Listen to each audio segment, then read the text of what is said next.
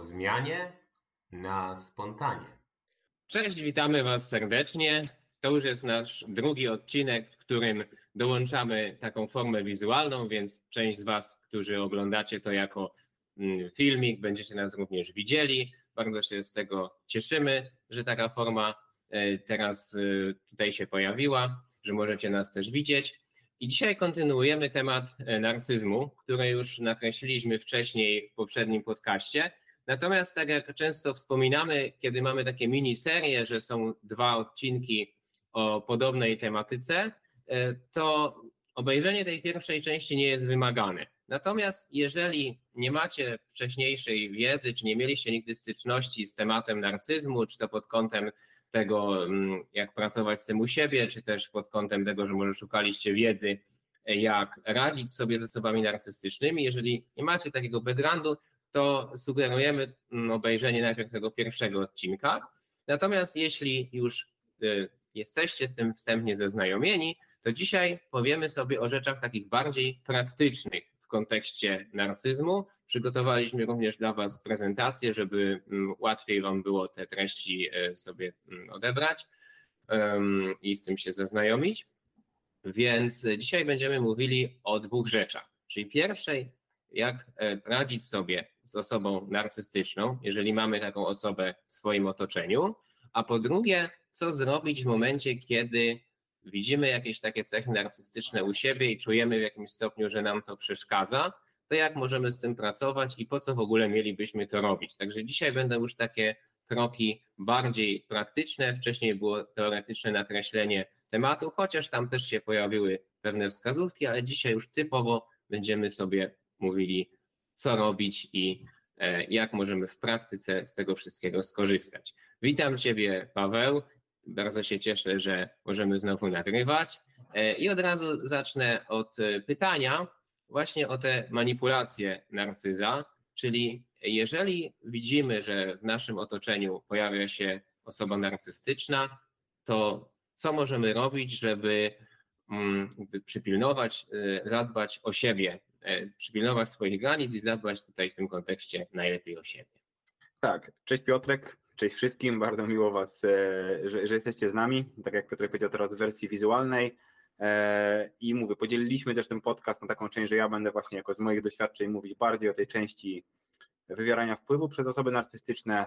Piotrek skupi się na dalszej części, czyli schematy pracy, więc zaczynając już otwierając e, tym pytaniem, które mi zadałeś, czyli na co warto uważać, jak e, przygotować się na osoby narcystyczne, to też jakby jeszcze tytułem wstępu do tego modułu powiem, że nie jest to wcale proste, ponieważ tak jak rozmawialiśmy, często osoby narcystyczne pierwsze wrażenie sprawiają dobre. I nie będziemy wiedzieli, że są to osoby narcystyczne, czyli one na pierwszy rzut oka, przy pierwszym poznaniu mogą się wydawać bardzo wartościowe socjalnie, mogą się wydawać bardzo wartościowe nawet dla naszego życia, natomiast będą tracić na głębszym poznaniu i właśnie mechanizmy, które zacznę zaraz omawiać, będą e, powodowały, że przez to właśnie zaczynają tracić. Oczywiście to też nie jest tak, że wszystkie te mechanizmy będą używane przez osoby narcystyczne, raczej już jak wybierałem, to wybierałem taki skrajne spektrum, czy jak Piotrek powiedział, już taki narcyzm prawie przy zaburzeniu i wtedy raczej występuje dużo tych cech połączonych i tych technik połączonych razem ze sobą. Natomiast przy tym narcyzmie kruchym, o którym też w poprzednim odcinku mówił Piotrek, raczej mogą się pojawić one sporadycznie i będzie tam tendencja do tego, że ktoś będzie wycofywał się z nich, bo będzie rozumiał, że może popełnił błąd, że to wcale nie jest dobre. Natomiast im większe jest spektrum narcyzmu, takie blisko zaburzenia, tym często osoba nie będzie nawet świadoma, że to, co robi, jest złe, bo będzie to miała na poziomie umiejętności, tak po prostu będzie tym operowała e, i będzie w bardzo mocnej skali tego, z, tego, z tych technik, które tu opiszę, korzystała. I teraz jeszcze zanim zacznę omawiać same techniki, też powiem, że poruszymy tutaj, ja poruszę tutaj jakby w tej części trochę cechy, które mamy jako osoby, potencjalne ofiary osób narcystycznych, które sprawiają, że jesteśmy bardziej podatni na ataki takich osób, czyli często osoby narcystyczne w jakiś sposób świadomie lub podświadomie będą w, w środowisku, w którym operują, dobierały sobie pewne osoby, bo będą dostrzegały, że mają te cechy, czyli będą miały w jakiś sposób zakwalifikować te osoby, że one spełniają ich kryteria i będzie łatwiej im manipulować osobami, które te cechy wykazują. Natomiast cechy, które, o których wspomnę, w zdrowych społecznościach są bardzo wysoko cenione. I żeby mówię to po to, żeby nie wyciągnąć z tego wniosku, że niektóre te cechy, posiadając je, to jest źle je mieć. Bo w większości kontekstów, tak jak nawet my mówimy o rozwoju, to są rzeczy, do których ludzie w rozwoju dążą, żeby takie cechy posiadać i w zdrowych społecznościach, w zdrowych środowiskach są one bardzo korzystne, bo pozwalają lepiej budować relacje. Natomiast w styczności z osobami narcystycznymi, często osoby narcystyczne będą miały tendencję, żeby wykorzystywać te cechy do tego, aby ugrać swoje korzyści. Jeżeli byśmy spojrzeli już nawet na samą ramę tego, czym jest manipulacja i jak działa, to manipulacja rozumiemy to to, że ktoś, kto manipuluje, ma na celu albo mieć własną rację, albo uzyskać własne korzyści, nie dbając o to, jaki będzie wynik albo efekt końcowy dla drugiej strony. To też uważam, że w przypadku osób narcystycznych nie oznacza, że one jakkolwiek chcą krzywdzić ludzi, bo uważam, że to jest nieprawdziwe, to nie jest sadyzm, który z natury chce krzywdzić, natomiast narcyzm przede wszystkim będzie bronić swojego wizerunku i tego, jak jest postrzegany i rzeczy, których potrzebuje, czyli atrybutów, żeby ten wizerunek posiadać. Jeżeli będzie w stanie stworzyć relację, w której on zdobędzie to, czego chce, ale przy okazji ktoś też coś dostanie, to raczej dąży do takich relacji, czyli nie stara się budować relacji y, takich, że on wygrywa, ktoś przegrywa. Natomiast często, jeżeli warunki są niesprzyjające, a, a tak jakim, na jakimś etapie się to pojawia, to za wszelką cenę może próbować bronić tego wizerunku, nie dbając o to, że krzywdzi innych i jakie to ma skutki, jakby jego działania, jakie skutki mają dla innych. Więc to tak jeszcze tytułem wstępu. I teraz zaczynając, pierwsza rzecz, która jest dość istotna, to w ogóle pod wpływem tych manipulacji często osoba manipulowana będzie miała poczucie, że jest manipulowana. To od razu też mówię. Czyli często będzie, to, to można poczuć, że ktoś tobą manipuluje, natomiast jeżeli będzie to zaawansowana manipulacja, to bardzo często nie będziemy świadomi, co się stało. Czyli będziemy mieli poczucie, że coś somatycznie, że coś tu nie gra, że jakoś tutaj coś w tej rozmowie było nie tak, albo że zgodziłem się na coś, na co nie chcę się zgodzić i tak dalej, ale nie będziemy umieli logicznie nazwać tego, co się dzieje.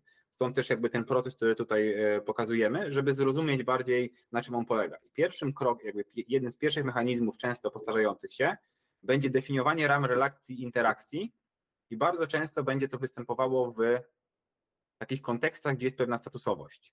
Czy to rodzic, dziecko, jeżeli rodzic jest narcystyczny, to ma pewną przewagę nad dzieckiem, bo dziecko zależy od e, jakby potrzeby dziecka, ich realizacja będzie zależała od tego, jak się zachowuje rodzic.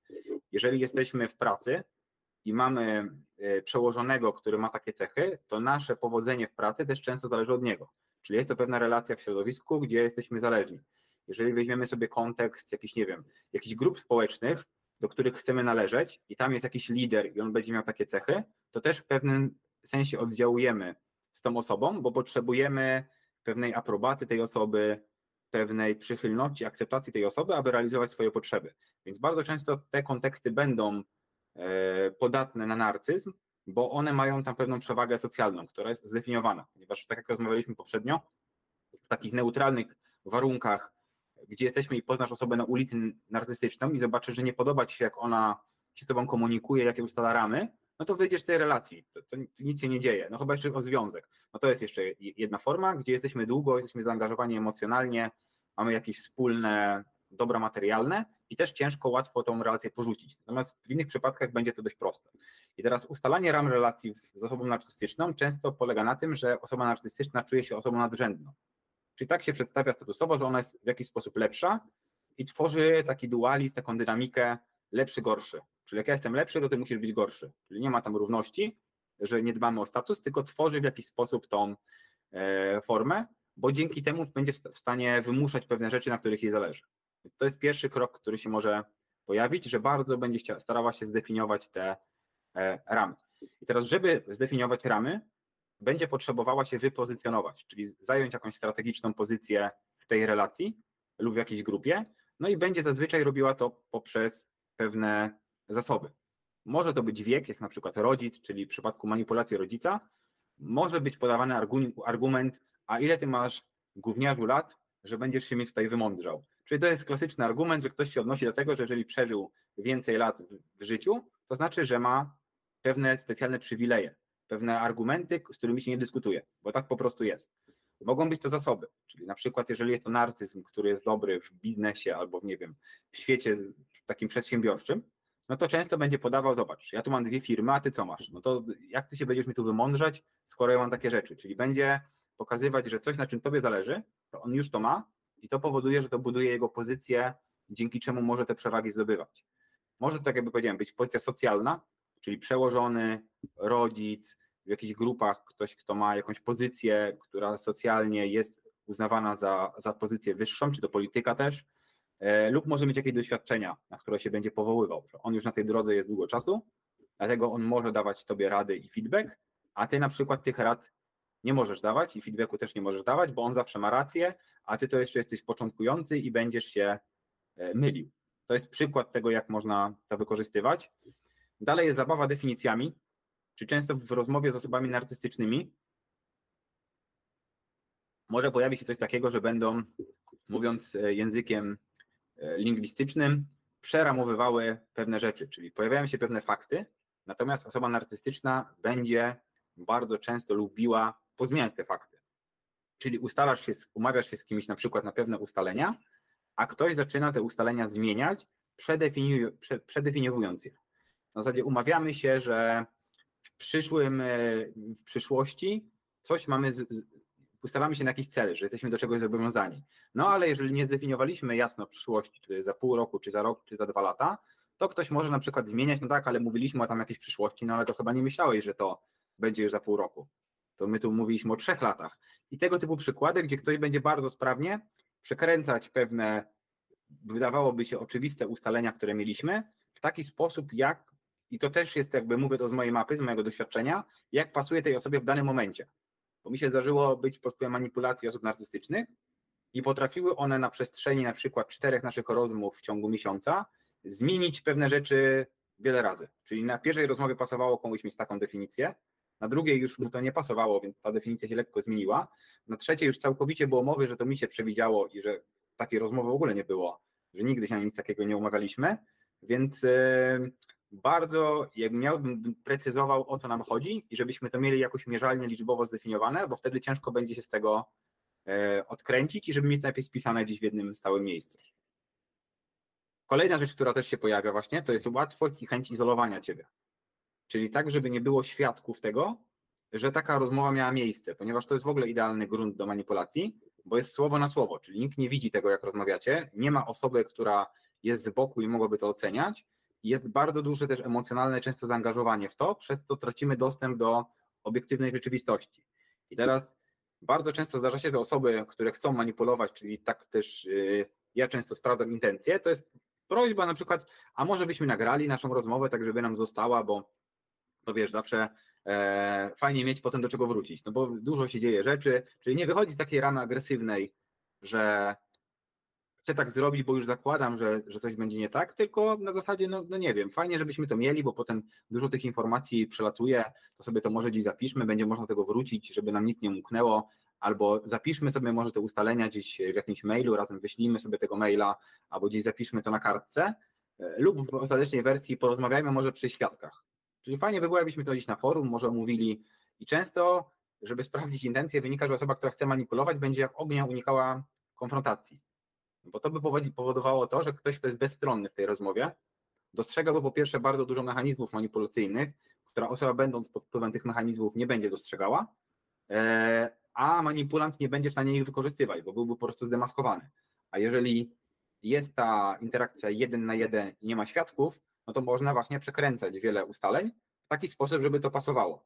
Czyli to jest też jedna e, z takich rzeczy, na które ja zwracam uwagę i to są takie bazowe chyba rzeczy. E, to już powiedziałem, czyli że nie ma intencji krzywdzić osoba narcystyczna, tylko bronić wizerunku. Więc jeżeli uda się zrobić win-win i uważam wręcz, że osoby narcystyczne, które znam, chciałyby, żeby być, chciałyby być dobrze postrzegane w jakimś otoczeniu. Czyli chcą raczej, żeby dobrze o nich mówić. Nie chcą być postrzegane jako tyranów, natomiast jak przychodzą takie warunki, gdzie nie da się zrobić deal win-win, albo ktoś by się musiał przyznać do błędu, to często będą szły w zaparte i będą za wszelką cenę potrafiły bronić swojego wizerunku, nawet kosztem innych i nawet kosztem tego, że krzywdą innych, po to tylko, żeby wyszło, że one mają rację. Mm. No i teraz już zaczynamy od takich technik które, i cech, które, które ktoś może mieć, które mogą być bardzo nadużywane. Pierwszą z nich jest empatia. I w empatii dopisałem gaslighting i to, to już to nie będę rozwijać wszystkich technik gaslightingowych, które się mogą pojawić, bo jest ich dużo, e, można sobie to doczytać. Natomiast chodzi tu o to, że empatia jest bardzo dobrze postrzegana w ogóle uważam w świecie takich świadomych osób. Czyli jak ktoś jest empatyczny, to to dodaje mu bardzo dużej wartości socjalnej, bo jest w stanie rozumieć punkt widzenia innych, jest w stanie się lepiej komunikować, e, jest po prostu dobrym partnerem życiowym w jakiejkolwiek formie, czy jako przyjaciel, czy jako partner związkowy, czy jako partner biznesowy. Natomiast osoby narcystyczne, widząc takie osoby empatyczne, potrafią udawać ofiarę albo osobę pokrzywdzoną. Czyli jak mają własne cele i chcą te cele zrealizować, to bardzo często będą stawiały się w takiej formie ofiary na zasadzie, kurczę, no mi to teraz źle idzie, ja bym bardzo potrzebował pomocy, wiesz jak to czasem jest, jak ci coś nie idzie. I będą próbowały rozgrywać tę grę, żeby ktoś poczuł się empatycznie względem nich, poczuł ten smutek i co automatycznie z połączeniu z kilkoma cechami, o których jeszcze zaraz powiem, bo one będą pasowały bardzo do siebie, będą starały się wymusić na tej osobie, aby zrobiła coś dla nich, grając po prostu taką osobę pokrzywdzoną, czyli wiedzą, że ta osoba będzie współodczuwała, będzie jej po prostu przykro za tą osobę narcystyczną, nie wiedząc, że ona taka jest i będzie chciała coś dla tej osoby zrobić, żeby pomóc jej zredukować te nieprzyjemne e, uczucia. Mm, I właśnie to też bardzo, bardzo się łączy z taką cechą, którą może być chęć pomagania innym. Czyli jak ktoś ma bardzo cechy altruistyczne, jest życzliwy dla ludzi, chce im pomagać, z natury po prostu uważa, że warto pomagać innym nawet bezinteresownie, to często osoba narcystyczna też będzie to dostrzegała i będzie próbowała tą osobę zaangażować do pewnych celów, używając takiej narracji, czyli będzie próbowała wytłumaczyć to, że to robimy dla dobra, to jest jakaś ważna misja, którą musimy wykonać, gdzie tak naprawdę pod spodem może być jej własny cel, który ona zrealizuje, albo cel, którym się będzie chwalić, że ona zdobędzie jakiś, jakąś gratyfikację dzięki temu, jakieś zasoby, ale będzie to przedstawiała, komunikowała jako pomaganie innym, że robimy to dla dobra innych, E, i e, tym podobne e, rzeczy. Dalej mamy pierwszeństwo potrzebom innych, czyli z angielskiego mówi się na to pleasing, czyli często ktoś, kto, ja bym powiedział, że, że to raczej z wychowania, ktoś, kto był wychowywany w takim systemie, w takim środowisku, w którym uczono go, że jeżeli będzie realizował potrzeby swoich opiekunów, swoich rodziców, to automatycznie będzie realizował swoje potrzeby. Czyli co za to dostanie? I to bardzo mocno uwarunkowało tą osobę, że akceptacja jest względna i trzeba o nią walczyć, trzeba e, tworzyć pewne okoliczności, żeby tę akceptację dostać. Przez to też osoba narcystyczna, widząc to, będzie tak układała tą relację, że będzie mówiła, jakie ma własne potrzeby i będzie grała tym, że jeżeli ktoś zaspokoi jej potrzeby, to ona automatycznie pomoże zaspokoić potrzeby tej drugiej osoby, gdzie w takich skrajnych przypadkach może być to tylko i wyłącznie potrzeba akceptacji. Czyli ktoś będzie grał tak brutalnie odrzuceniem, że będzie pokazywał brak akceptacji dla jakiejś osoby, jeżeli ona nie zgadza się z punktem widzenia osoby manipulującej, a jeżeli będzie robić to, co ona chce, to w jakiś sposób będzie gratyfikowana, przez to będzie miała takie poczucie, że wszystko z nią jest e, ok. Mm, potem mamy jeszcze ochrona i dbanie o innych, też się to trochę łączy, czyli jeżeli ktoś ma taką potrzebę właśnie, że chce dbać o innych, chce im pomóc, no to narcyz też będzie ten mechanizm wykorzystywał, podobnie jak te poprzednie, do tego, żeby manipulować i żeby uzyskać swoje własne korzyści. E, słabe poczucie własnej wartości i deficyt. I tutaj już też pociągniemy, bo my akurat o poczuciu własnej wartości na podcastach mówimy całkiem sporo. Więc jeżeli ktoś ma swoje poczucie własnej wartości, to raz, że nie będzie potrafił się postawić, nie będzie stawiał, będzie łatwo go wrzucić właśnie w ramy nierówne, czyli narcyz będzie stawiał, że on jest lepszy, będzie tworzyć ramę lepszy, gorszy, a osoba, która ma deficytowe poczucie własnej wartości, będzie łatwo wpadała w ten schemat, nie rozumiejąc, że to jest iluzja i nie będzie potrafiła z niego wyjść. Przez co też będzie, po pierwsze, odmawiała sobie wielu rzeczy, na przykład będzie mówiła, że nie zasługuje na, na pewne rzeczy, które ma narcyzm, będzie akceptowała to, że to jest relacja, w której ona dostaje mniej, a wkłada na przykład więcej pracy, a ktoś nie wkłada pracy, a dostaje więcej. I będzie też bardzo łatwo nią manipulować poprzez ten deficyt, czyli po prostu wszystkie rzeczy, które będą robione, ona będzie dostawała od narcyza na przykład uznanie i akceptację za to, że coś zrobiła, czyli będzie na chwilę ta dziura emocjonalna łatana, ale przez to jej energia będzie wykorzystywana, żeby, mówiąc tak bardzo kolokwialnie, robić dobrze dla osoby manipulującej. Czyli ty mi zrobisz to, to i to, a ja za to ci pochwalę, po prostu poklepię cię po ramieniu, powiem ci, że jesteś super, albo w takim skrajnym narcyzmie, o którym też mówiliśmy, że ktoś, że narcyzm ma w ogóle takie poczucie, że, że to, że ktoś może spędzać z nim czas i być w jego obecności, to już jest nagroda tej osoby. Czyli zobacz, jak jestem super, samo to, że możesz przebywać w moim otoczeniu, to już czyni cię jakąś osobą lepszą od innych, Więc e, samą tą statusowością narcyzm może wymuszać e, osoby z, z deficytowym poczuciem własnej wartości. I często deficytowe poczucie własnej wartości też będzie łączone albo będzie dzia- oddziaływało, może być połączone z brakiem umiejętności wyznaczenia i bronienia granic, czyli z taką asertywnością, ponieważ asertywność, jakbyśmy zdefiniowali, że to jest rozumienie swojej własnej wartości i umiejętność dbania o to, żeby o swoją godność, o, o szacunek do siebie w świecie zewnętrznym, to jeżeli mamy jakieś deficyty na poczuciu własnej wartości, prawdopodobnie będziemy mieć też deficyty w umiejętnym i skutecznym bronieniu własnych granic i to będzie powodowało, że osoba narcystyczna będzie tak zakrzywiać rzeczywistość, że będzie bardzo często te granice przekraczać, oczywiście łącząc kilka technik razem może, na przykład będzie zmieniać definicję, będzie mówić, że to nie, to, to jednak tak musi być, bo coś, czyli będzie bardzo mocno przedefiniowywać pewne rzeczy e, i będzie te granice przekraczać, bo wie, że ktoś nie jest w stanie e, obronić swojego punktu widzenia. Mm, I też jeżeli występuje u osoby niechęć do konfliktów lub właśnie ktoś nie umie bronić tych granic, czuje się niekomfortowo w tej roli, nie jest do niej przyzwyczajony, to często, albo może się tak zdarzyć, e, że osoby narcystyczne będą tworzyły pewne problemy, pewne konflikty i będą ustawiały, że to jest problem tej osoby, która jest teoretycznie ofiarą. Czyli stworzą ci problem, a potem tak to poprzekręcają, że powiedzą, że to ty jesteś twórcą tego problemu i że to jest twoja wina, że ten problem występuje i jeszcze postawiam się w roli zbawcy, o czym też za chwilę powiem, czyli postawiam się w roli, że to one e, wybawią ci z tego problemu, że dzięki temu, że będziesz ich teraz słuchał, to będziesz w stanie rozwiązać ten problem.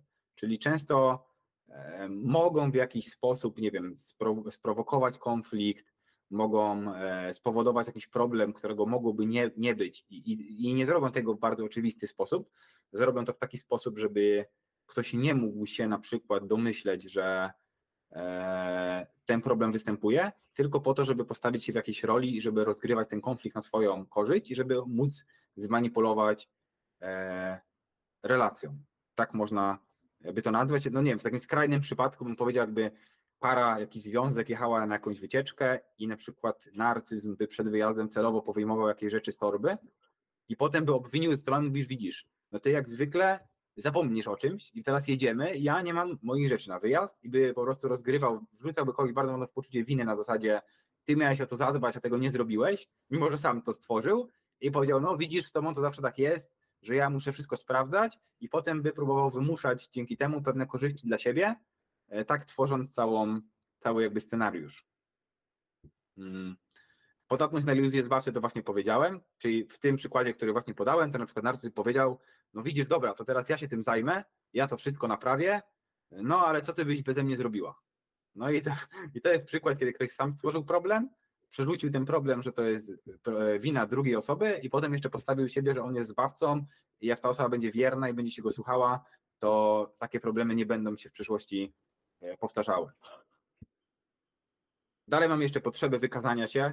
Trochę to gra z potrzebą e, pomocy innym, ale tu bardziej chodzi o to, że ktoś ma takie ego, taką osobowość, która też uważa, że będzie się dowartościowywała przez sukcesy zewnętrzne, czyli musi pokazać, że jest super, musi wziąć udział w jakimś projekcie, który sprawi, że po prostu pomyśli o sobie, jak ten projekt się uda, że jest super, czyli to też jest takie łatanie trochę deficytu poczucia własnej wartości i wtedy też takie osoby bardzo łatwo namówić na pewne inicjatywy, czyli na, na to, żeby realizowały cele narcyza, bo one mają potrzebę robienia tego i wtedy narcyz daje im jakąś małą nagrodę, teoretycznie daje im jakąś gratyfikację, ale ona nie będzie współmierna do tego, jaką pracę ta osoba wykonała.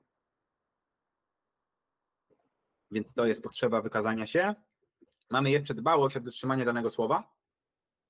To też może wystąpić, jeżeli była jakaś manipulacja i ktoś nie był świadomy, jak stawiać granice i zgodził się na pewne zobowiązania, na pewne rzeczy pod wpływem emocji, pod wpływem tego, że nie czuł się komfortowo. Następnie jest to odbijane. Czyli jak ktoś ma, ma w sobie taką potrzebę spójności, yy, że chciałby, żeby dobrze o nim mówili, że jest taką osobą konsekwentną, że się na coś umówi, on się z tego wywiązuje, to często narcyz może go wmanewrować w konwersacji, ta osoba nieświadomie się zgodzi na pewne rzeczy, których nie musiałaby robić, a potem będzie odbijał, mówił, no widzisz, no ale jak rozmawialiśmy, to powiedziałeś mi, że to zrobisz. A teraz próbujesz przekręcić wszystko, że niby to tak wcale nie chcesz tego robić. No to wiesz, no to ja raczej oczekiwałbym, że będziesz, ciężko mi jakby to mówić, bo to nie jest moja naturalna rzecz, ja jakby tego nie stosuję, ale chodzi o to, że ktoś będzie po prostu próbował zrzucić winę za to, że ktoś nie jest konsekwentny, pomimo, że po pierwsze, możemy w procesie dojść do innych wniosków, coś zrozumieć, nauczyć się czegoś, na tym polega rozwój i wycofać się z pewnych rzeczy, czyli mój punkt widzenia, który był 10 lat temu jest diametralnie inny niż jest dzisiaj, ponieważ zrozumiałem, dojrzałem do pewnych rzeczy, zrozumiałem pewne rzeczy. I tu jest trochę granie pewną stałością, że kiedyś coś powiedziałeś, to znaczy, że masz tak ciągle robić, a przez to będzie bardzo ciężko z tej manipulacji wychodzić, jeżeli mamy taką potrzebę, że chcemy tą spójność y, utrzymać. Dalej mamy jeszcze otwartość i gotowość do dyskusji o problemach. I tu będzie rama powiązana z tym, jak ty masz problem, to znaczy, że ja nie, czyli pewien dualizm. I teraz o co chodzi? Chodzi o to, że narcyzm bardzo często też będzie lubił osoby podatne na dzielenie się swoimi problemami, w ogóle takie otwarte osoby, które dużo się komunikują i będzie wykorzystywał ich słabości, bo je wtedy pozna, dzięki temu, że te osoby się komunikują, do tego, żeby nimi manipulować. Czyli jak ktoś będzie otwarcie mówić o swoich problemach, to narcyz będzie wiedział, jak poukładać narrację, żeby uderzać w te problemy albo je zmieniać. W takim bardzo mocno rozwojowym środowisku, jakbyśmy mieli trenerów rozwoju, którzy się na tym znają, mówi się, że uderza się w cienie. Czyli cień to jest taka wyparta część naszej osobowości, której jeszcze nie, e, jeszcze nie przepracowaliśmy. Na przykład ktoś ma problem, że nie ma w sobie siły, nie jest asertywny. Ma po prostu wypartą siłę, nazwijmy to. No i teraz narcyz by obracał całą rozmowę na zasadzie, no widzisz, no ale jak znowu przychodzi do tego, to ty nie umiesz się postawić i to jest cały problem. I teraz będzie, jak, jak dostrzeże, że ktoś to ma, to będzie starał się wykorzystywać to, co ktoś faktycznie powie, no, no kurczę, no mam z tym problem i będzie to zrzucać jako główny powód niepowodzenia w jakimś temacie i podporządkowania pod niego.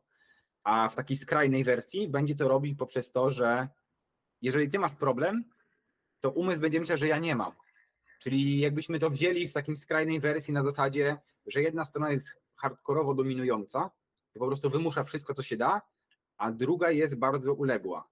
No i teraz załóżmy, że ta, ta osoba uległa, gdzieś w życiu, po- poza relacją narcystyczną, tą, tą o której mówimy, pon- ponosi konsekwencje tego, że była zbyt uległa. No i teraz osoba narcystyczna by przekręcała, to na zasadzie widzisz. Jak ja ci mówię, że jesteś uległa i po prostu nie chcesz mnie słuchać, że to jest złe, a tu jasno na czarnym widać, że to ty masz problem. No i teraz jakbyśmy na to spojrzeli obiektywnie, to może wyjść, że obie osoby mają problem. Że skrajna uległość faktycznie jest problematyczna, ale skrajna dominacja też jest problematyczna. Więc y, odpowiedź na to byłaby taka, że dwie osoby mają problem, ale rozgrywają się wewnątrz jednego mechanizmu, co można dostrzec z boku. Natomiast będąc w tej relacji, ktoś będzie starał się pokazać, że ty jesteś przeciwieństwem czegoś, to znaczy, że moje przeciwieństwo jest dobre. I w ten sposób też manipulować rozmową. Na zasadzie, że jeżeli to ty masz problem, to automatycznie oznacza, że ja problemu nie mam, bo to ty go masz. A może być taka sytuacja, że obie osoby problem mają, na zasadzie jedna chce na przykład zbytnio kontrolować, a druga, nie wiem, jest niepunktualna. No i one się obwiniały, co, że nie, że to nie jest problem moja punktualność, problem jest, że chcesz mnie kontrolować, a druga będzie mówić nie, to nie to. No okazuje się, że mogą być tak, że obie rzeczy są problematyczne i, i nie ma tutaj jednej odpowiedzi, co jest dobre, a co jest niedobre. Więc na to też warto uważać. E, No i ostatnią rzecz, którą tutaj mam, to jest e, a, to jest tworzenie takiej ramy, że to nie ja mam problem, tylko twoje oczekiwania do mnie mają, są problematyczne i to ty nie możesz oczekiwać ode mnie niczego, ale no ja mogę oczekiwać od ciebie i dawać ci feedback e, i jak tego nie zrobisz, to jest problem. Czyli na zasadzie, że e, na przykład żona powiedziałaby do męża, ale ty w ogóle nie sprzątasz mieszkania. Jak to jest możliwe, że, że tego nie robię? Powiedział, no ale no ja nie wiem, dla mnie to tu jest czysto. Wydaje mi się, że to ty masz jakieś wygórowane oczekiwania do tego, jak powinno być posprzątane to mieszkanie. I zaczyna przekręcać to w zasadzie, że oczekiwania osoby do tego, jak co to znaczy czysto, czyli jaka jest definicja czystości, są wygórowane, a z drugiej strony znajdzie inny kontekst, w którym zacznie mówić, a to jest niewystarczająco dobre. A ta druga osoba powie, a może to ty mam powiedzieć, nie, ja po prostu mam pewne standardy, dlatego mam pewne rzeczy w życiu, bo się tych standardów trzymam, więc oczekiwałbym od ciebie, że następnym razem to będzie lepsze. I tworzy taką ramę, że ja mogę oczekiwać od ciebie dużo, mogę cię pouczać, no ale ty mnie nie możesz, bo to znaczy, że twoje oczekiwania są za wysokie. I wydaje mi się, że tutaj chyba więcej rzeczy nie mam, tak jest, to był koniec, więc to są takie moim zdaniem najczęstsze jakieś modele manipulacyjne, które wychwyciłem. Może że jakieś znajdę, mam nadzieję już nie. W najbliższej przyszłości, ale jakbym znalazł, to kiedyś je dopiszę i w ogóle to rozwinę chętnie jeszcze w jakimś osobnym materiale. Natomiast na to bym po prostu uważał, bo e, często osoby narcystyczne mocno będą to robiły nieświadomie i też, ym, jak to powiedzieć, że one nie będą często świadome w ogóle tego, co robią, albo nie będą miały takiego, takiego zrozumienia, że to jest złe, co robią, bo tak się już mogły wyuczyć tego. Ponieważ ja sam przyznam z siebie, że zdarzyło mi się robić kilka tych rzeczy w przeszłości nieświadomie, na zasadzie, że wydawało mi się, że ja coś wiem, a ktoś nie wie, czyli ustalałem ramy, że ja wiem, a ktoś nie wie, że e, na przykład właśnie miałem tak, że ja mogę oczekiwać, a ktoś nie, natomiast różnica w takim kruchym narcyzmie albo braku narcyzmu byłaby taka, że jak ktoś da ci feedback na zasadzie ej, ale to właśnie powiedziałeś mi, że ty możesz oczekiwać, a ja nie mogę, czy tu przypadkiem nie coś nie tak? I ta osoba powie, i wtedy zazwyczaj osoba, która jest świadoma, weźmie lekcję na zasadzie, kurczę, no może masz rację, faktycznie, no przepraszam, bo nie, nie brałem tego pod uwagę, źle to zdefiniowałem. Czyli to jest dla mnie też taka, no teraz Piotr też o tym powie, ale to trochę takie wyjście, że ktoś musi w ogóle przyznać do błędu. Na zasadzie faktycznie no nie miałem tej świadomości, dzięki, że mi o tym mówisz i nauczył się z tego, że tak się nie robi. A osoba narcystyczna będzie jeszcze bardziej broniła tego, że tak jest dobrze, bo chce mieć po prostu rację i dzięki temu broni swoich statusowych rzeczy, broni swoich jakby zasobów, korzyści, które dzięki temu e, otrzymuje. E, więc e, tyle jakby z mojej strony. Ja też Tobie, Piotr, teraz Tobie przestrzeń na to, jak też skomentować to, co ja powiedziałem. A jeżeli będziemy przechodzić dalej, to myślę, że przejdziemy teraz trochę też do tego, bo, bo teraz to jest ważne, że ktoś tego słucha i nawet ma takie cechy, to często będzie uważał, że one są dobre, bo mu pomagają w życiu. Właśnie to jest problem z narcyzmem, że jak masz te cechy i jeszcze nie dostajesz różnych sygnałów ze środowiska, że to jest złe, to może ci się wydawać, że to jest korzystne. No, no jak? Realizuję swoje korzyści, wywieram wpływ, no to ktoś powiedział mi tak w książce kiedyś, że biznes polega na tym, żeby być proaktywnym, cisnąć, no to ktoś ciśnie i po prostu idzie do przodu, więc jakby wydaje się, że to mogą być rzeczy korzystne, więc po co by w ogóle było to diagnozować i coś z tym robić? Takie będzie pytanie, które e, zadam Tobie. Okej, okay, super. Dobra, to ja jeszcze zanim zacznę odpowiadać na to pytanie, to też odniosę się do kilku rzeczy, o których Ty wspomniałeś. W ogóle bardzo ciekawe to, co mówisz i rzeczywiście widzę tutaj bardzo szeroki wachlarz tych case'ów, które podałeś. Ja na przykład niektórych rzeczy nie byłem świadomy, więc jest to też jakaś lekcja dla mnie. Natomiast e, kilka rzeczy sobie właśnie wypisałem i do tego bym się odniósł. E, a później bym Cię też prosił, żebyś e, te slajdy, które są z moim tym tekstem, też tam stopniowo sobie wyświetlał, bo, bo, bo Ty prezentujesz. Mm, natomiast co do tych najpierw odniesień. Po pierwsza w ogóle rzecz, która wydaje mi się, że przenika wiele tych punktów, o których Ty powiedziałeś, to jest trochę to, żebyśmy jako osoby w styczności z narcyzem nie pozwolili sobie ani jako jednostki, ani jako grupa, która na przykład jest pod wpływem jakiegoś narcystycznego trenera czy mentora, wtłoczyć pewnej definicji rzeczywistości, pewnego spojrzenia na rzeczywistość. Bo to jest trochę tak jak hipnoza, można powiedzieć, że w jakimś ogromnym uproszczeniu hipnoza polega na tym, że łączy się pewne doświadczenia, których człowiek jest mocno pewny, y, z pewnymi rzeczami, które chce się mu jakby zainstalować. Czyli na przykład, że jeżeli teraz czujesz coś tam, no to znaczy, że i prowadzi się tą osobę poprzez taki trans hipnotyczny do jakichś konkretnych doświadczeń. I trochę tak samo to działa w kontekście właśnie mm, wrzucania sobie tych ram, czyli to, o czym ty mówiłeś, jakby ustalanie ram i interakcji, że na przykład narcyz może jakby zaszczepiać taką ramę w, w ludziach, że na przykład jeżeli ty czujesz strach w jakimś takiej sytuacji, na przykład, nie wiem, gadasz z kimś i ta osoba nie chce z tobą rozmawiać, to ty się czujesz odrzucony, czujesz jakiś wstyd, albo prowadzisz spotkanie sprzedażowe i ktoś ci odmówił, to ty czujesz się z tym źle, no to to na przykład oznacza, że jesteś słabym człowiekiem.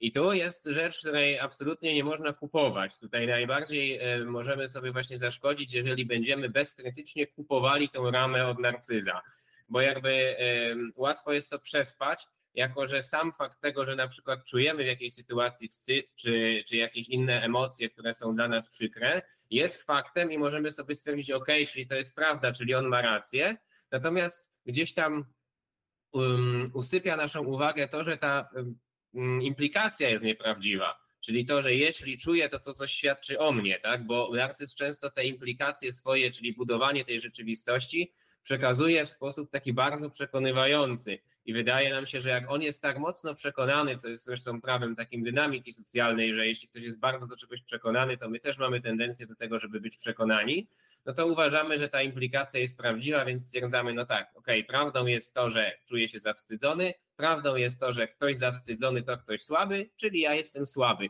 I dalej, bo to też jest rozbudowywane później też mechanizmami, o których ty wspomniałeś, że narcyz może z kolei dawać inne implikacje, czyli jeśli ktoś jest słaby, to można go lekceważyć.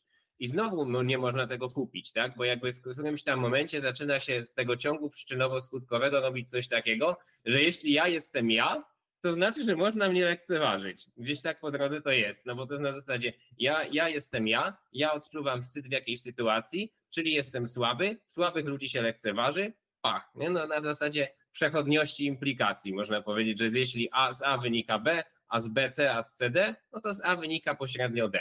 I jeżeli ten schemat jest wielokrotnie powtarzany, to można to przespać i w którymś momencie zupełnie naturalnie narcyz będzie wychodził z ramy, no przecież ciebie można lekceważyć. A jak zaczniemy to podważać, no to on wyciągnie ten cały łańcuch implikacji, który tam wcześniej był i bez takiej uważności będzie nam ciężko się temu przeciwstawić. Bo to jest często bardzo mocno jeszcze uzasadnione różnymi rzeczami, które on gdzieś tam znalazł. I kolejna rzecz, y, do której się chcę odnieść, to jest kwestia właśnie tego statusu, o którym powiedziałeś na początku, że, że w ogóle powiedziałeś właśnie o wieku, pozycji, doświadczeniu, a tutaj warto też y, dodać, dodać to, że ten zasób, czy ten jakby wyznacznik statusu, który narcyz sobie przyznaje, jest często zupełnie nieadekwatny do kontekstu, w którym on później wykorzystuje swoją władzę. Czyli to mam na myśli, że na przykład ktoś może mówić młodym mężczyznom, że jeśli on ma bogate życie seksualne, to jest w stanie narzucać im, jaki oni powinni mieć lifestyle. No co jest absurdem totalnie, no bo to jest tylko jeden aspekt jego, tak? Czy to, że ktoś e, ma, po pierwsze w ogóle nie, nie można tego sprawdzić, to jest jedna rzecz, ale już nawet zakładając, że ktoś mówi prawdę, że ma udane życie seksualne, to nie uprawnia go w żaden sposób do tego, żeby mówić innym, jak mają żyć. Natomiast wiele osób jest w stanie to kupić, bo na przykład stwierdzają, no na przykład moje życie seksualne nie jest takie, jakiego bym sobie życzył, ta osoba ma takie życie i ona twierdzi, że jest w stanie mnie tego nauczyć, więc jeśli tak, no to pewnie może mi tutaj narzucać wszystko, jak ja powinienem żyć. I też warto sobie powiedzieć tutaj stop w takiej sytuacji, jeżeli na przykład mamy do czynienia z kimś takim i to może dotyczyć zupełnie innych rzeczy, pieniędzy, statusu, kariery zawodowej, być ok, ja się chcę od ciebie nauczyć na przykład, nie wiem, jak dostać pracę w IT, albo chcę się od ciebie nauczyć, jak być bardziej pewnym siebie, ale nie chcę, żebyś wkraczał w obszary mojego życia, które nie są z tym związane albo są luźno z tym związane. A jeśli nawet sugerujesz mi jakieś usprawnienia w tych obszarach, to to może być na zasadzie sugestii, z szacunkiem dla mnie, a nie na zasadzie e, narzucania czegoś. Tak. To są takie rzeczy, które, które ja bym tutaj dodał. No tutaj w tak. ogóle to, co ty powiedziałeś teraz, to ja tak. bym to zdefiniował w ogóle przez kontekst, jak czegoś, jak masz taką e, takie podejście do życia, że aspirujesz do czegoś i ktoś już ma to, do czego aspirujesz. I często mm. jest taki efekt aureoli, się chyba to nazywa w sprzedaży, czyli taka halucynacja, że jak ta osoba ma coś, czego ty bardzo potrzebujesz, na przykład pieniądze, że teraz chcesz zarabiać więcej pieniędzy i podążasz za jakimś autorytetem w dziedzinie zarabiania pieniędzy, to bierzesz wszystko inne, że teraz każda inna dziedzina życia, którą on robi, wydaje się, że jest taka iluzja, że też robi on dobrze. I to fajnie, że to powiedziałeś, że nawet właśnie jak modelujemy, to żeby to rozdzielać, że ktoś może być super w zarabianiu pieniędzy, a beznadziejny w budowaniu długotrwałych relacji, albo beznadziejny nie, w odżywianiu. To nie znaczy, że będzie w tym dobry, a ktoś może być super w odżywianiu i dobrze budować relacje, a nie mieć e, umiejętności zarabiania pieniędzy. Tak też może e, być. Tak, tak. Ja jeszcze jedną rzecz odnośnie tego, co, co ty mówiłeś, bo mi się kojarzy kwestia feedbacku i też y, to w sumie jest powiązane jakoś z tym, co też przed chwilą powiedziałeś. Natomiast zauważyłem, że osoby narcystyczne często wykorzystują feedback jako możliwość y, zaznaczenia znowu tego statusu i postawienia siebie wyżej, a kogoś niżej. Gdzie jakby feedback z założenia powinien mieć taką intencję albo wspierającą, na zasadzie, że pokazuje, co ktoś zrobił fajnego i buduje mm, jakby jego poczucie pewności i skuteczności, albo taką korygującą, że daje feedback merytorycznie, na przykład wskazując, że to było dobre, to było złe i celem jest to, żeby ta osoba dostała po prostu informacje, których potrzebuje, żeby się żeby optymalizować swoje działanie. ale czasami ten feedback właśnie przez narcyzów jest wykorzystywany do tego, żeby znowu zaznaczyć to swoje terytorium.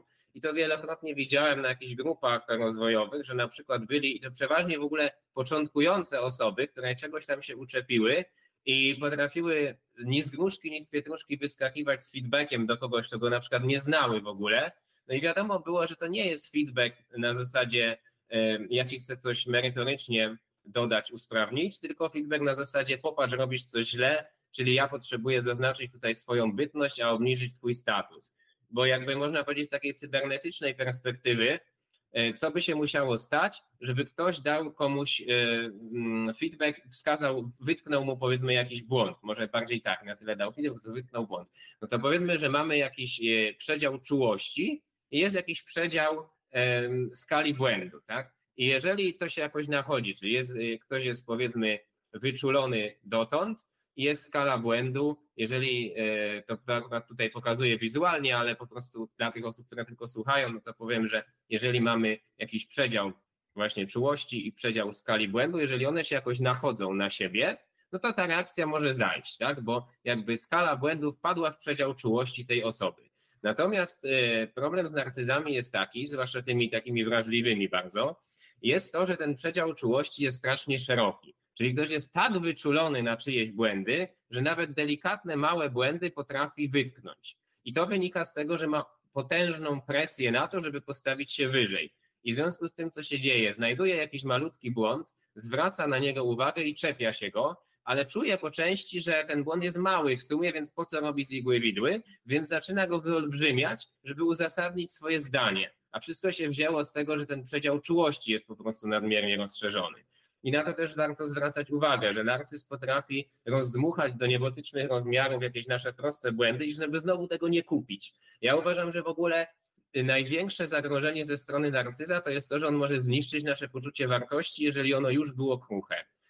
Paradoksalnie w ogóle narcyz może też zniszczyć innego narcyza, jeżeli na przykład ten jeden ma bardziej wielkościowy, a ten drugi ma bardziej kruchy, to ten kruchy będzie miał bardzo ciężko z nim, bo zacznie powoli kupować tą całą rzeczywistość, która zostaje na niego narzucona w agresywny sposób. Więc to uważam, że jest gdzieś tam chyba największe takie zagrożenie, żeby nie pozwolić narzucić na siebie tej hipnozy zaburzonego poczucia wartości i wadliwości, która jest projektowana przez tego narcyza i to jest w ogóle warte nadmienienia. Tak, no, dałbym komentarz do tego, ale się jeszcze wstrzymam i dam go chyba potem, bo nie chcę ci spoilerować twojej części, nie chcę ci karać show, bo to myślę się Dobra. pojawi i ja wtedy powiem, że się odwołuję, odwołuję do tej części. Więc... Dobra, super. Dobra, no to jadę już z tym e, tematem, więc to, co zapytałeś, ja przypomnę jeszcze słuchaczom, bo, bo tutaj, żeby to było jasne, e, pytałeś właśnie o to, czy warto to robić, bo część tych cech narcystycznych może nam się wydawać korzystne, to jest jakby ta część Twojego pytania. Ja do tego jeszcze dodam, że może nam się czasem wydawać w ogóle, że to jest taka trochę sztuka dla sztuki. Po co to w ogóle robić? Nie? Mi się na przykład to kojarzy, jak tam w podstawówce diagnozowano dzieciom wady postawy i było na przykład, że połowa klasy ma płaskostopie. I okazało się, że no dobra, okej, okay, no mam to płaskostopie, ale co ja mam, po co mi, w czym mi to przeszkadza i tak dalej, czy ja mam to leczyć, co mam z tym robić w ogóle czy mam się tym martwić, nie? Akurat y, z tego, co doczytałem, y, tak żeby tutaj trzymać pewną zgodność z, z obowiązującą fizjologią, to, to jest jakiś problem i, i chyba nie należy tego lekceważyć, ale jakby chodzi o to, że też dzieciom nie przedstawiono tego, dlaczego to płaskostopie jest problemem. I potem cała klasa miała takie wrażenie, no mam płaskostopie, ale to nie wiem, czy to jest jakiś problem, mam to gdzieś. No i z tym narcyzmem nie jest tak samo, że no okej, okay, zdiagnozuję, że mam jakieś takie delikatne cechy u siebie, ale czy bym to w ogóle miał poprawiać. I tutaj właśnie chciałem powiedzieć, że jednak może to przeszkadzać. Szczególnie, że większość osób, które zakładam, że nas słuchają, to jednak jeśli wpadają w to spektrum narcyzmu, to jest to bardziej bliższe temu wrażliwemu lub kruchemu, tak? Są różne nazwy, czasem wrażliwe, czasem mówi się bardziej kruchy, ale no generalnie temu, który ma kontakt jeszcze cały czas z tą zranioną częścią, a nie jest to taka czysta roszczeniowość. I te osoby bardzo często mogą wchodzić w konfrontację z innymi e, osobami, i może być coś takiego, że mają właśnie bardzo dużą chęć, żeby inni dali ten podziw, bo oni się tylko wtedy czują, e, czują dobrze, czyli będą wysuwali na pierwszy front swoje wszystkie osiągnięcia. I teraz coś to może sprawić, że inni ludzie widząc e, nawet nie tyle same osiągnięcia, ale ten pęd nasz do tego, żeby je pokazywać, trochę będą chcieli zrobić na złość i nie będą tego dawać, bądź będą wchodzili w rywalizację. Tam chyba mam punkty kolejne, Paweł, to możesz tam Tak. E, Bo właśnie jak tutaj ludzie reagują, że wchodzą w konfrontację, czyli my możemy kogoś triggerować, że my pokazujemy, patrz, tu jestem dobry, tu jestem dobry, tu jestem dobry. To może być bardziej wprost, to może być bardziej zakamuflowane, ale ta osoba się czuje w pewnym sensie wywołana jakby do tablicy, że ona też się musi pokazać. Nie wszystkie osoby tak reagują, ale niektóre tak reagują. I teraz co warto zauważyć, że znów ten narcyz może zresztą w ogóle natrafić na innego narcyza, ale nie musi tak być. E, Może to interpretować, ok, dobra, to on tutaj mi też pokazuje, on się też napina, to ja się jeszcze bardziej muszę napiąć, żeby go przebić. I zaczyna się zamiast wymiany takiego sharingu, ja umiem to, ty umiesz to, to może to jakoś razem wykorzystamy, nie wiem, zrobimy jakiś projekt, albo po prostu fajnie, że jesteśmy dwojgiem ludzi, którzy potrafią fajne rzeczy, to zaczyna się licytacja, kto umie więcej. I wtedy może to prowadzić do sytuacji, w których trudno będzie nawiązywać jakieś um, przyjaźnie, czy, czy nawet takie zwykłe relacje, nawet przyjacielskie, czy nawet czasami zawodowe, to będzie ta licytacja, kto jest e, lepszy. I też e, w ogóle samo to, że my cały czas pokazujemy to, że jesteśmy lepsi, jeżeli tak robimy, mm, to już wiele osób to triggeruje. Czasami my możemy tego nie widzieć, bo na przykład mówimy coś na forum, na przykład ktoś przychodzi do biura, tam siedzi 10 osób i coś, coś mówi, te osoby to słyszą i się triggerują wewnętrznie tym, że on się chwali, ale nie powiedzą mu tego od razu, natomiast już będą trochę nastawieni w konfrontacji do tej osoby. Więc to, co możemy stracić tutaj, jeżeli mamy takie cechy narcystyczne, to to, że automatycznie nastawiamy wiele ludzi przeciwko sobie. Nawet może nie, że oni zaczynają być jakimś zaciekłym naszym wrogiem, ale na pierwszy front relacji z nami nie wysuwa się to, żeby na przykład nam pomóc, żeby z nami empatyzować, żeby z nami na przykład robić jakieś żarty czy cokolwiek na poziomie takim e, partnerskim, tylko na pierwszy front się wysuwa rywalizacja, bo te osoby też walczą o swój status. Więc to jest e, tak, jakby, jakby mm, podnosilibyśmy garbę innym osobom przez swoje zachowanie. I i przez to będzie dużo trudniej też, żeby się ludzie przed nami otwierali, co jest jakby kolejnym tutaj punktem, że właśnie e, jeżeli mamy dużo cech narcystycznych, to często będziemy mieli skłonności do tego, żeby nieświadomie też innych oceniać. No bo tak jak ty powiedziałeś, tak jak ja potem powiedziałem, narcyz bardzo mocno stara się wrzucić czyjąś, mm, kogoś w swoją rzeczywistość. W związku z czym dużo daje takich ocennych rzeczy, że coś wynika z czegoś, że to jest słabe na przykład, to jest frajerskie, to jest jakieś tam i będzie próbował e, ustalać to, jaka jest rzeczywistość, w związku z czym w jego wypowiedziach będzie mało faktów, konkretów, takich, które można zmierzyć i ewentualnie jak, e, na przykład właśnie podważyć i dyskutować z nimi, tylko będą oceny, które mm, on ma w głowie. I osoba, która tego słucha, będzie czuła się właśnie oceniana, co może sprawić, że nie będzie się chciała przed narcyzem otworzyć, co jest zupełnie też normalne, no bo trudno jest nam się otwierać przed osobą, która wiemy, że nas oceni. Nawet jak to jest pozytywna ocena, to czasami nie chcemy być e, ocenieni, bo to jest takie traktowanie nas nieco przedmiotowo, a jak ona jest negatywna, no to już w ogóle, więc e, tutaj narcyz może mieć problem z tym, żeby osoby przed nim się otwierały, a za tym idzie zaufanie, za tym idzie wiele innych rzeczy, e, jak właśnie możliwość budowania czegoś e, trwałego, e, jak na przykład może założenie z kimś firmy, zrobienie projektu, czy, czy wejście w kimś, z kimś w związek i tak dalej, gdzie tam wszystko zaczyna się od otwarcia, potem jest zaufanie i potem z tego wszystkiego wyrastają różne inne rzeczy. No ale nie mogą wyrosnąć, jeśli nie będzie wcześniej tego otwarcia, więc y, tutaj można dużo stracić, nie będąc tego zupełnie świadomym.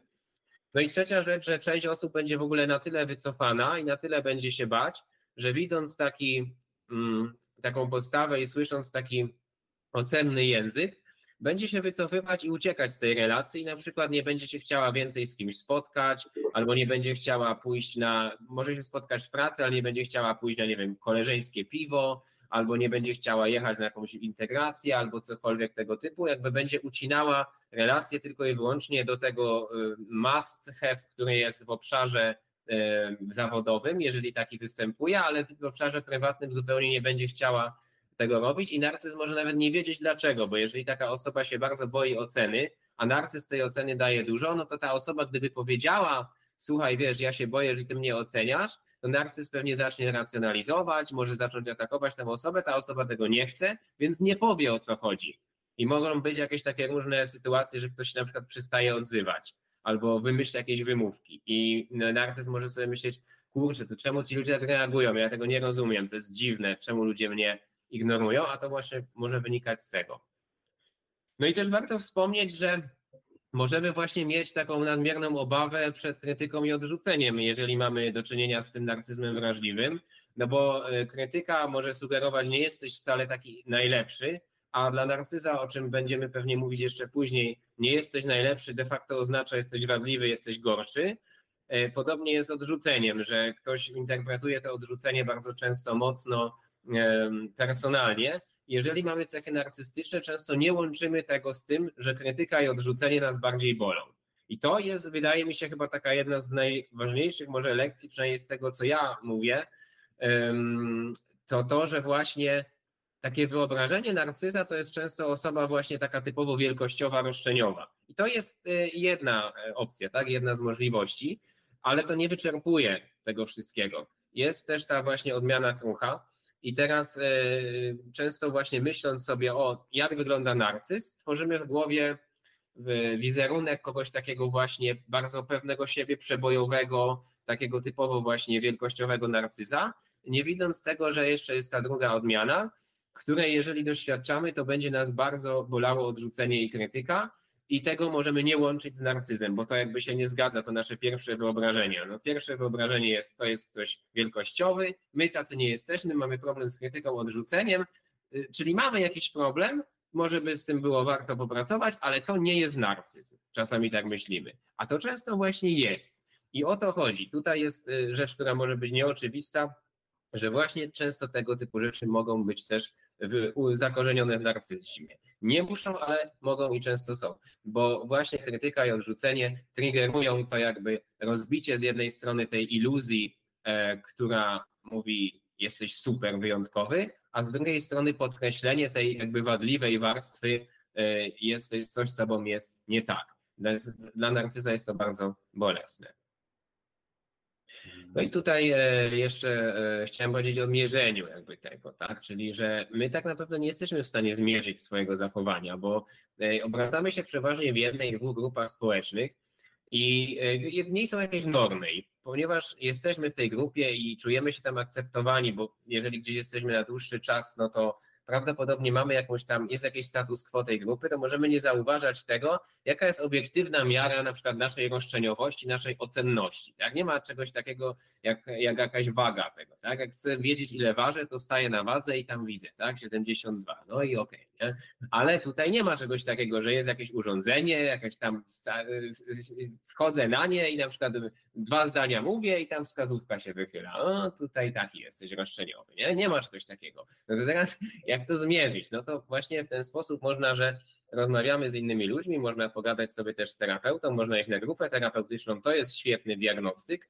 Natomiast e, my możemy tak z defaultu tego nie wiedzieć. Możemy być bardzo roszczeniowi i ocenni, a zupełnie tego nie czuć. Więc biorąc pod uwagę, że tutaj dużo można stracić, to ja sugerowałbym nawet tak e, profilaktycznie sobie to sprawdzić.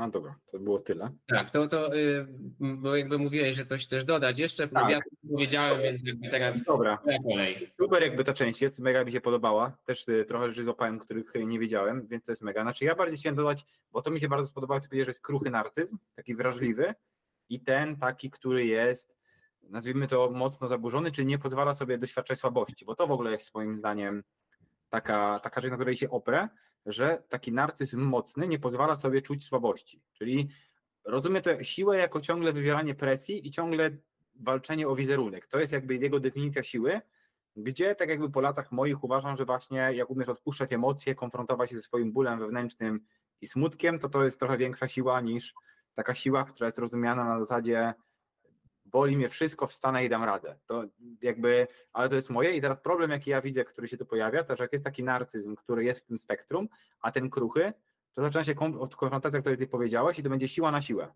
Czy kto jest silniejszy, czyli tworzy, tworzy się rama, kto z nas jest silniejszy, na zasadzie kto bardziej wybroni swój wizerunek. Natomiast ten proces, który tu jest, jest procesem bardziej otwieraniem się na to, że są pewne części nas, które są zranione, no i automatycznie byśmy się eksponowali na ten atak.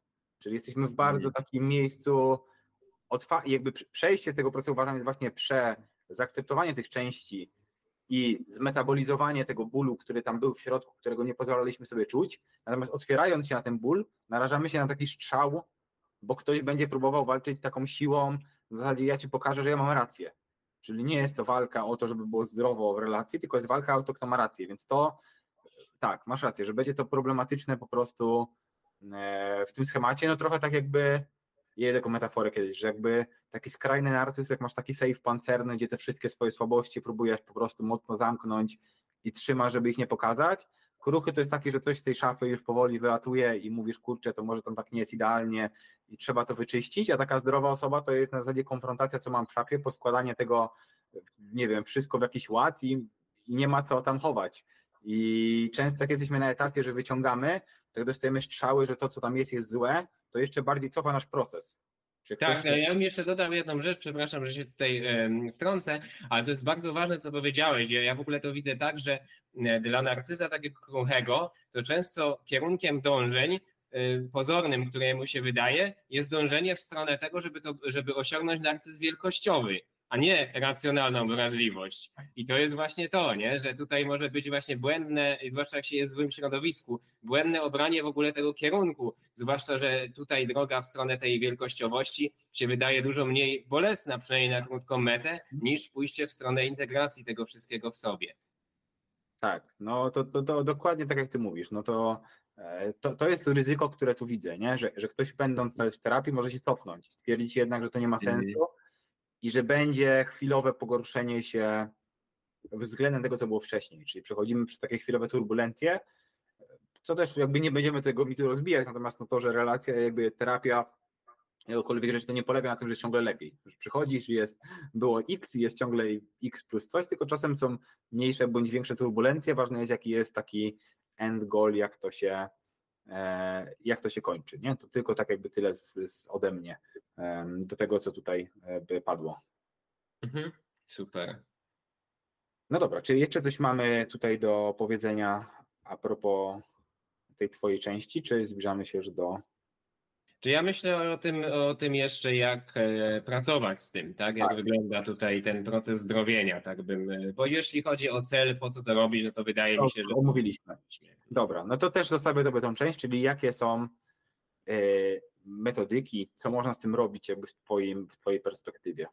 Mhm, jasne. Pierwsza rzecz w ogóle, o której chcę powiedzieć, to że żeby też tego nie traktować jako poradę jakąś taką fachową, e, bo, bo żaden z nas nie jest na tym etapie terapeutą i, i tak bardziej sharing, tak? To nie jest na zasadzie, że ja jako terapeuta teraz coś tutaj mówię, bo nim nie jestem i jakby okej, no, przyjmuję teraz obecnie szkolenie, które mnie do tego doprowadzi, ale to jestem w trakcie i to jeszcze długa droga. E, Na pewno nie jestem na etapie, żebym ja mówił, jak wygląda ogólnie proces. No nawet gdybym to chciał zrobić, to musiałbym się zerknąć do badań i tak dalej. To jest bardziej jak ja pracowałem z tym u siebie, również uczestnicząc w różnych terapiach, i jak e, ludzie znani mi, którzy też przepracowali podobny problem, dzielili się tym ze mną e, i jak to ja zebrałem, plus jakaś tam, okej, wiedza książkowa, natomiast no nie jest to jakaś, jakaś fachowa tutaj porada. I uważam, że też e, jeżeli czujecie, że gdzieś tam chcielibyście się e, zgłosić na taką terapię, to żeby to było dla Was trochę ułatwieniem, a nie na zasadzie i bardziej pokazaniem, że zobaczcie, jest tyle metod, którymi możecie pracować, a nie jakby wyczerpaniem tematu, czy absolutnie zastępstwem tego. Nie? To jest bardziej taki, Tak, taki, taki disclaimer. No, chciałem, chciałem to Tak, tutaj. super, to mówisz, ja to ja z mojej strony jeszcze bardziej, bo ty już jesteś w jakimś procesie, żeby być terapeutą, ja nawet takiego nie zacząłem, więc e, Tak. Tak, tak, spoko. Także no tutaj, tutaj to. Natomiast e, chętnie się podzielę tym, bo mm, ogólnie e, możemy wyznaczyć kilka obszarów pracy i jeden z obszarów to jest obszar poznawczy. E, I tutaj obszar poznawczy to jest przede wszystkim praca nad naszymi przekonaniami, czyli tym, jak w ogóle budujemy mapę świata. I tu akurat o tym dosyć dużo mogę powiedzieć, bo to w sumie się wiąże z tym, o czym też mówiliśmy wcześniej, że e, praca ta polega na kwestionowaniu w ogóle tych przekonań. I tu jako y, nawet taka meta umiejętność to jest kwestionowanie przekonań w ogóle. Nie tylko nawet w obszarze e, problemu narcystycznego, ale to, żeby zauważać, że przekonania mają tendencję w pewnych określonych warunkach do samopotwierdzania się. Czyli w przypadku narcyzmu będzie polegało to na tym, że, że żeby w ogóle zobaczyć, że przez to, że ktoś ma na przykład przekonanie o własnej wyższości, e, a jednocześnie na przykład unika relacji z osobami, które nie potwierdzają tej, tej wyższości. Ja bym Paweł Cię tylko poprosił, żebyś ten slajd przerzucił następny, bo tam mam to e, wymienione. E, I, I tutaj jakby chodzi o to z tym przekonaniami, że e, właśnie możemy mm, iść w stronę coraz większego ich pogłębiania, czyli na przykład właśnie będę dobierał sobie tak znajomych, żeby oni potwierdzali ten mój wizerunek, więc tym bardziej dostaję coraz więcej feedbacku, że jest ten wizerunek mój jakiś wybitny, że jestem kimś super, we wszystkich obszarach uzdolniony i tak dalej.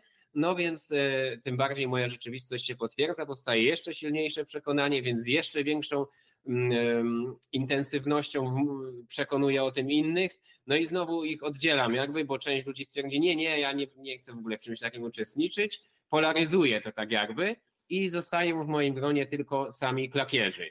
Więc y, można zobaczyć, jakby pracując poznawczo, jak przekonanie się samo potwierdza. No i też popracować tutaj na, na poziomie przekonania w ogóle takiego, że muszę być wybitny, żeby mnie polubiono, albo muszę być wybitny, żeby dostać wsparcie, albo jeśli jestem y, tylko dobry, tylko przeciętny, to to jest złe i, i czeka mnie za to kara. I popracować sobie nad y, prawdziwością takich przekonań, żeby zobaczyć w swoim świecie, być może też u innych ludzi, Y, czy te przekonania są prawdziwe, bo znajdziemy na to mnóstwo kontrprzykładów, że tak wcale nie jest, że można w czymś być przeciętnym, można nawet w czymś być słabym, a nawet, a i tak dalej dostawać wsparcie od innych. Więc tutaj jest też tego typu y, kwestia, ale też to jest bardzo ważne i to wydaje mi się, że też jest istotne w kontekście tego, co powiedzieliśmy o tym narcyzmie wielkościowym i kruchym, że jeśli mamy kruchy, to żeby nie iść w stronę wielkościowego, tylko w stronę integracji, to absolutnie ważną rzeczą jest to, żeby zrozumieć taką rzecz na poziomie poznawczym i też na emocjonalnym, że narcyzm się składa, to jest model terapii Lowena, z trzech warstw. I pierwsza warstwa to jest taka jakby warstwa naturalna. I ta warstwa naturalna to jest, jakby my przychodzimy na świat, jesteśmy spontaniczni, otwarci, poznajemy ten świat i jakby nie mamy jakiegoś specjalnego obrazu siebie, dopiero go budujemy. I w którymś momencie następuje jakieś zranienie, coś się wydarza i powstaje jakby taka wadliwość, powstaje druga warstwa na tym, jakby już nie jestem ok sam ze sobą, tylko powstaje taka warstwa jakby tego zranionego dziecka, jakiejś wadliwości, takiego wykrzywionego obrazu siebie, e, który nam się nie podoba, który nie pasuje do społeczeństwa, który jest ciągle odrzucany i tak dalej. Tak zaczynamy myśleć o sobie i na to jako trzecia warstwa e, przychodzi ten, ta narcystyczna kompensacja, czyli przychodzi ta, ta, ta, ta wybitność, ta wyjątkowość, ta roszczeniowość i to wszystko jako przykrycie tego, bo to działa, tak jak ty mówiłeś, jako dualizm. Y, bo mózg na poziomie mechanizmów obronnych działa w sposób bardzo uproszczony, czyli ten dualizm jest na zasadzie, jeśli to jest prawdą, no to to przecież nie może być. Tak? Dlatego ta trzecia warstwa przykrywa drugą. I teraz bardzo ważne jest to, że jeżeli osoba z narcyzmem kruchym ma bardzo mocne rozszczepienie między tymi dwoma i trochę czasami czuje, że jest tutaj na drugiej, a czasami trochę czuje, że jest bardziej tu na trzeciej, tu się czuje lepiej znacznie niż na tej drugiej. I terapia po części polega na tym, żeby na poziomie poznawczym konfrontować, że ta wyjątkowość jest iluzją.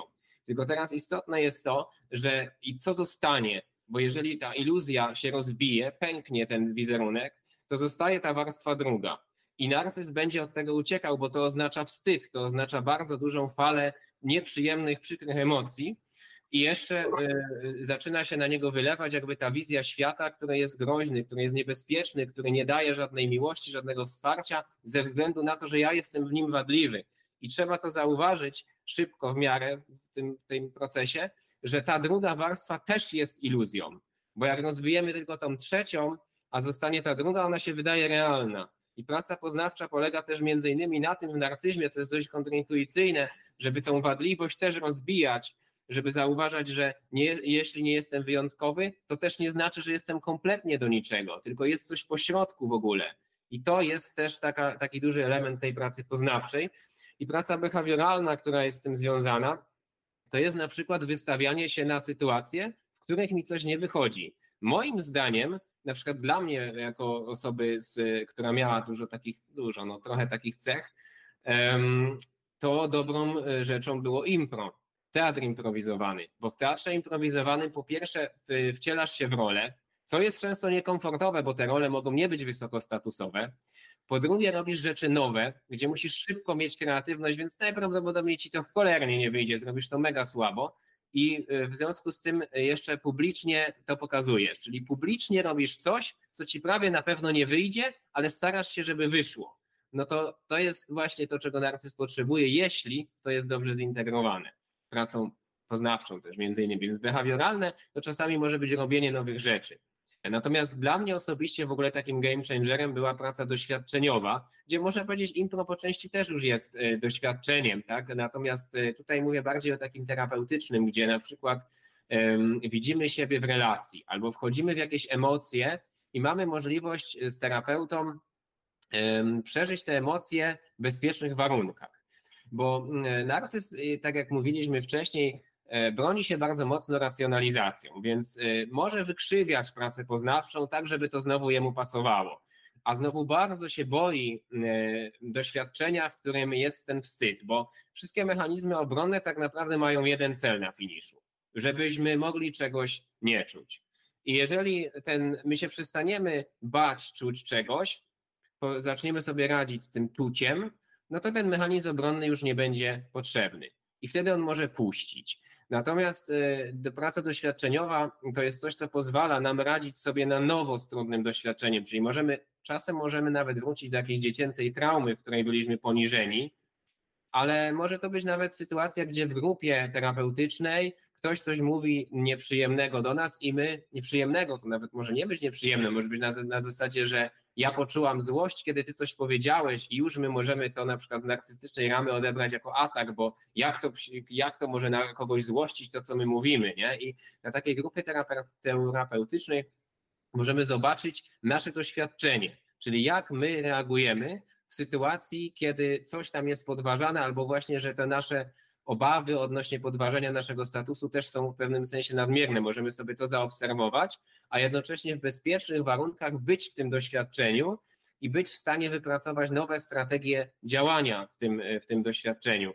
Więc y, w pewnym sensie mm, się albo przynajmniej zaczynamy mm, traktować y, tak po partnersku z akceptacją ten nasz wstyd, który tam pod tym wszystkim jest i w momencie, kiedy to się staje już znośne, już takie w pewnym sensie neutralne, to gdzieś tam się okazuje dalej, że już nie ma się czego bać, jeśli chodzi o to pokazywanie swoich troszeczkę takich słabych stron, no bo wiemy, że tak naprawdę nawet jak ten wstyd się pojawi, to my sobie już z nim poradzimy i duża część tych mechanizmów obronnych może wtedy być rozpuszczona. No i potem jeszcze praca systemowa, czyli tutaj e, może być to bardziej budowa systemu wokół siebie, tak żeby one funkcjonowały zdrowo, czyli na przykład to, co ty na przykład mówiłeś w pierwszej części, żeby jeżeli mamy jako osoby narcystyczne relacje w swoim otoczeniu, gdzie one są tak zbudowane, e, czyli jednostronnie, to zacząć na przykład e, też e, je zmieniać, tak? Czyli, czyli na przykład dawać więcej przestrzeni innym osobom, uznawać też inne osoby, otwierać się samemu przed innymi osobami, mniej je oceniać.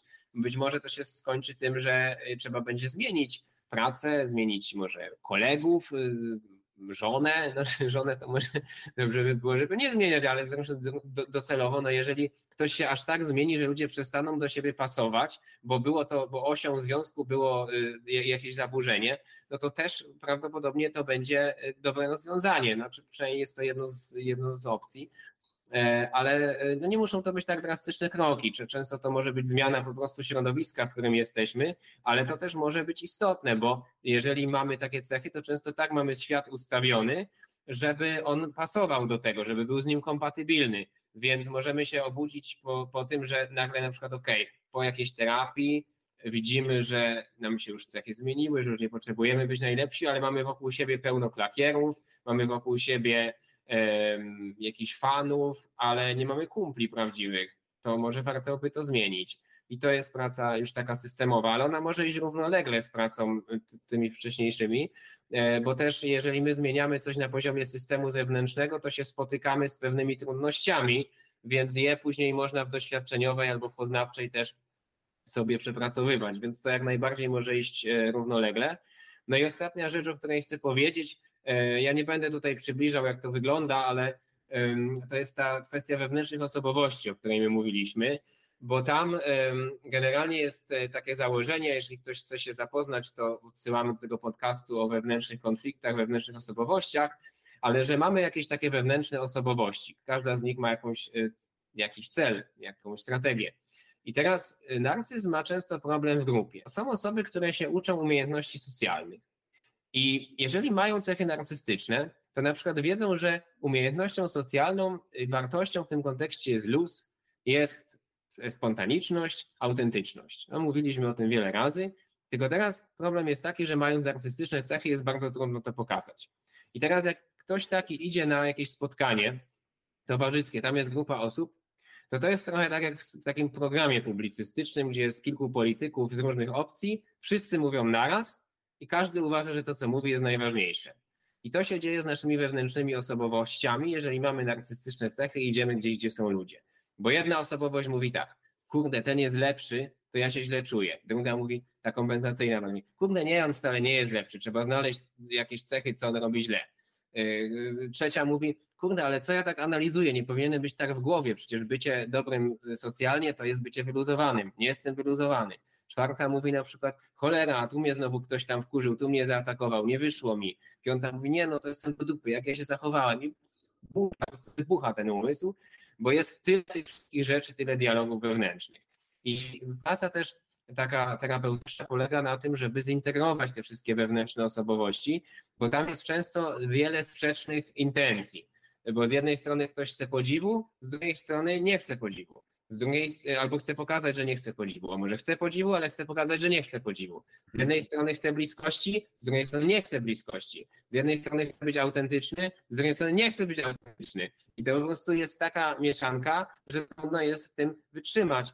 To prowadzi do olbrzymiej ilości napięć i dlatego y, bycie, mm, jakby posiadanie cech narcystycznych bardzo utrudnia takie rozwijanie umiejętności socjalnych, więc te osoby, które nas oglądają po to, żeby nad tym pracować, to uważam, że e, tutaj e, warto o tym, o takiej terapii e, pomyśleć, bo, bo tak jak mówię, no ja na przykład, kiedy, kiedy ktoś mi o tym mówił, czy pamiętam, jak, jak więcej działałem w jakichś takich kręgach, to też powiedziałem po prostu, że okay, no do jakiegoś poziomu mogę kogoś tam doprowadzić na zasadzie, że uświadomić, czym jest problem, ale dalej to już jest praca terapeutyczna, bo, bo nie da się y, nauczyć jakichś super umiejętności socjalnych, które pozwolą jakiś flow w grupie, jeżeli tam cały czas jest burza tych wewnętrznych osobowości. Także, także tyle ode mnie. Długo dosyć to, to trwało, aczkolwiek mam nadzieję, że tutaj znajdziecie y, też coś trochę dla siebie, jak z takiego szwedzkiego stołu, że niekoniecznie wybierać wszystko, być może dla kogoś ten jeden konkretny y, nurt czy modalność będzie odpowiednia. Dla mnie hybryda jakaś się okazała najbardziej skuteczna, ale no to jakby już to pozostawiam y, Wam do wyboru. I jakby chętnie też posłucham Paweł, jeżeli coś chcesz, wiesz, skomentować, tutaj się do tego odnieść, to, to jak najbardziej. Znaczy wiesz co, super to jest ta część. Ja do, samych, do samej pracy nie będę się odwoływać, bo tak jak mówię, ja w ogóle nie jestem w żadnym procesie nawet tym i nie chcę brać jakby odpowiedzialności też na to, żeby to mówić, natomiast e, też mówię ze swojej mapy, ze swojej wiedzy, też pewne cechy narcystyczne kiedyś sobie znajdowałem, czasem nawet znajduję e, i pracuję z nimi, więc jakby dla mnie też strategią działającą jest to, co ktoś mi kiedyś powiedział, żeby po prostu otwierać się na swoje emocje, dawać sobie miejsce, na te emocje i to, to uważam jest trochę problemem w narcyzmie, że nie chce się odczuwać pewnych emocji i że ludzkie problemy trochę byśmy mieli je podsumować na wysokim poziomie, jak je rozwiązywać, to jest trochę niechęć do odczuwania tego, co jest w nas i lub niechęć do brania odpowiedzialności za to, co tam czujemy, więc to podejście też w jakiś sposób będzie pomagać, plus to wszystko, co ty powiedziałeś.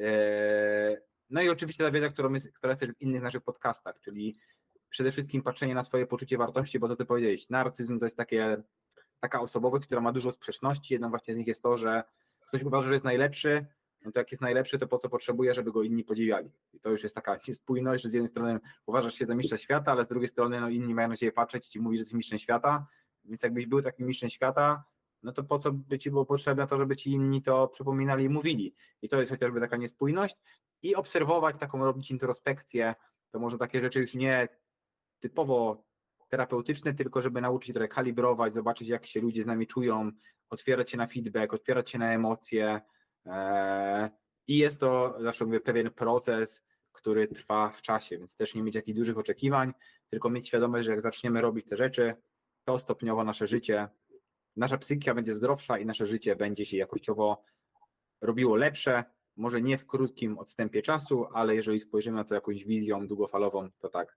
będzie. Trochę dużo dzisiaj też e, mówiliśmy, więc ja już też nie będę tego przedłużać. Więc jakby z mojej strony dziękuję Ci serdecznie za ten podcast, że dop- dopięliśmy tą drugą część, bo moim zdaniem teraz mamy bardzo kompletny materiał. Fajnie, że zrobiliśmy go w formie też wideo.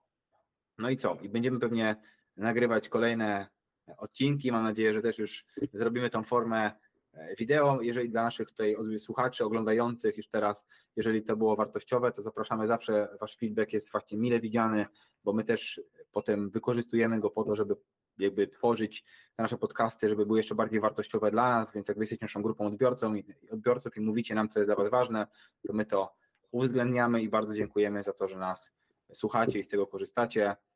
Tyle z mojej strony. E, Dziękuję wam serdecznie i do następnego razu. Dzięki Tobie, Paweł, również ja bardzo się cieszę, że, że też y, nagraliśmy to dzisiaj. Myślę, że bardzo wiele fajnych rzeczy tutaj padło, wartościowych. Em, No i, i, i tak jak Ty wspomniałeś, też zachęcam do tego dawania feedbacku na naszego maila o zmianie na spontanie małpa gmail.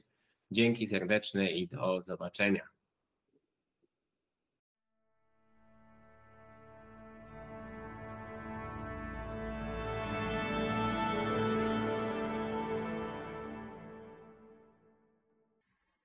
Zmianie na spontanie.